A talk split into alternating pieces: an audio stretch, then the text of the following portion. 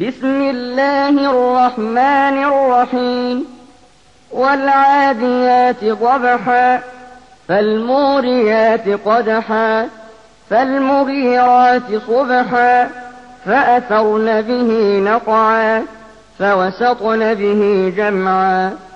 إن الإنسان لربه لكنود وإنه على ذلك لشهيد. وإنه لحب الخير لشديد أفلا يعلم إذا بعثر ما في القبور وحصل ما في الصدور إن ربهم بهم يومئذ لخبير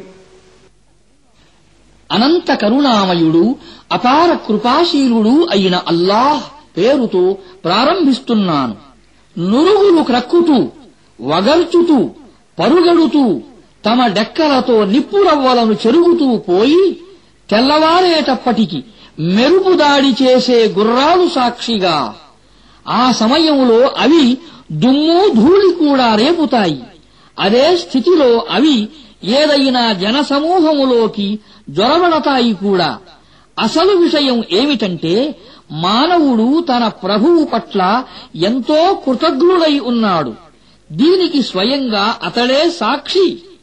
అతడు సిరి సంపదల వ్యామోహములో పూర్తిగా మునిగిపోయాడు. సమాధులలో పాతిపెట్టబడి ఉన్నది.